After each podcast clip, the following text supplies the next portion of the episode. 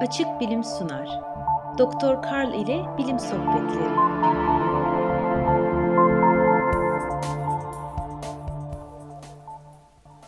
Konu kanser olduğunda Joe Jackson'ın şarkısı pek umut vermiyor. Everything gives you cancer. Yani her şey sizi kanser yapar. Doğru. Kanser oranları geçtiğimiz yüzyıl içerisinde 3 kat artmış olabilir. Ama acaba gerçekten her şey sizi kanser yapar mı? Hayır. Sadece artık daha uzun yaşadığımız için böyle. 2012'de Yeni İngiltere Tıp Dergisi 200. doğum gününü kutladı. Geçen 200 yıl boyunca bizi etkileyen hastalıkların doğası aşırı derecede değişti. Hastalık kavramı karmaşıktır. Bir hastalığı tanımlayanların sadece doktorlar ve hastalar olmadığının farkına varmak önemlidir. Dr. Jones ve meslektaşlarının Yeni İngiltere Tıp Dergisi'nde yazdıkları gibi hastalıkları moleküler bazda değerlendirmek mümkün değildir. Bir başka deyişle hastalıklar bundan daha çetrefilli. Hastalıklar toplumu şekillendiren sosyal, ekonomik ve politik süreçlerle tanımlanır. Bu yüzden farklı zamanlarda farklı toplumlar tarafından az sonra sayacaklarım hastalık olarak tanımlanmış veya tanımlanmamıştır. Homoseksüellik, alkol bağımlılığı, mastürbasyon, kronik yorgunluk sendromu ve çalışma ortamı şartlarından kaynaklı hasta bina sendromu. Bir bakıma kimin hangi hastalığı kaptığı toplumun zenginlik ve güç yapılarını ortaya koyar. Mesela yoksulluk da bir hastalıktır.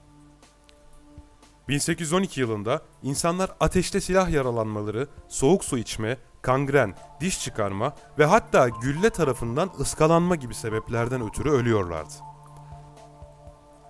Antibiyotikten önceki zamanlarda birçok ölümcül bulaşıcı hastalık mevcuttu. Bunlardan biri de lekeli humma adı verilen ne leke ne de humma yaratan hastalıktı. Bir yüzyıl sonra yani 1900'lerde hastalık kalıpları tekrar değişti.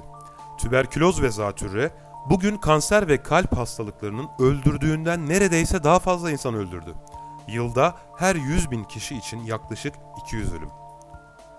Bir yüzyıl daha sonra 2010 civarları çok daha başka bir hastalık kalıbı bizi öldürmeye başladı. ABD'de çok şaşırtıcı bir şey tespit edildi. Daha önceleri sabit şekilde artan ortalama yaşam süreleri durağanlaştı ve hatta tersine yönde seyretmeye başladı.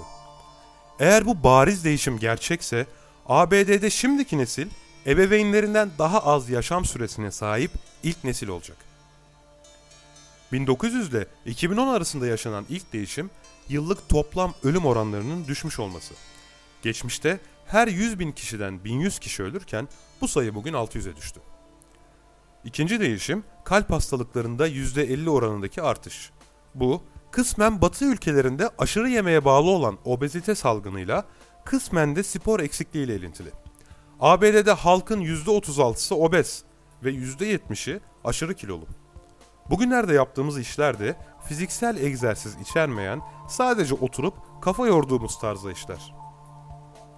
Üçüncü değişim, daha önceleri zatürre, grip, tüberküloz, mide ve bağırsak hastalıkları gibi sebeplerle yaşanan ölümlerdeki düşüş. Aşılanma çiçek hastalığını yok etti.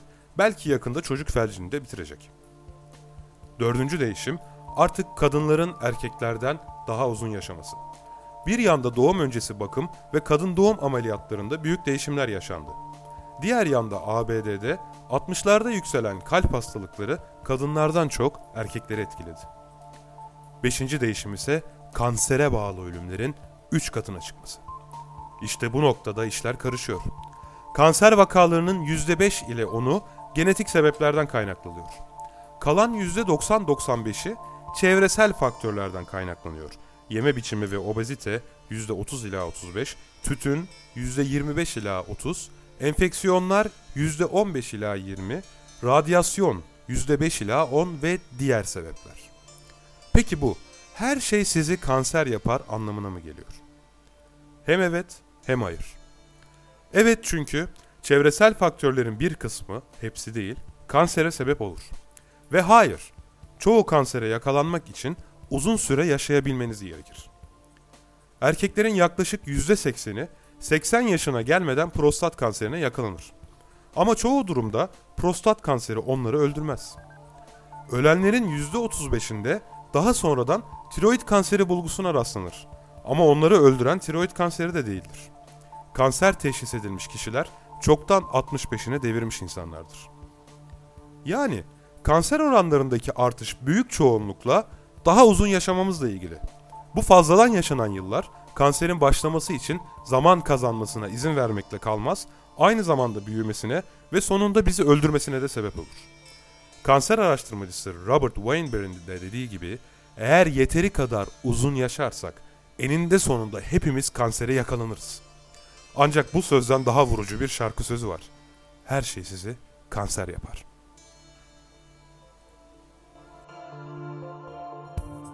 Çeviren Gökhan İnce Seslendiren Tevfik Uyar Açık bilim hakkında daha fazla bilgi edinmek, diğer yayınlarımıza ulaşmak ve dergimizle iletişim kurmak için www.açıkbilim.com adresini ziyaret edebilirsiniz.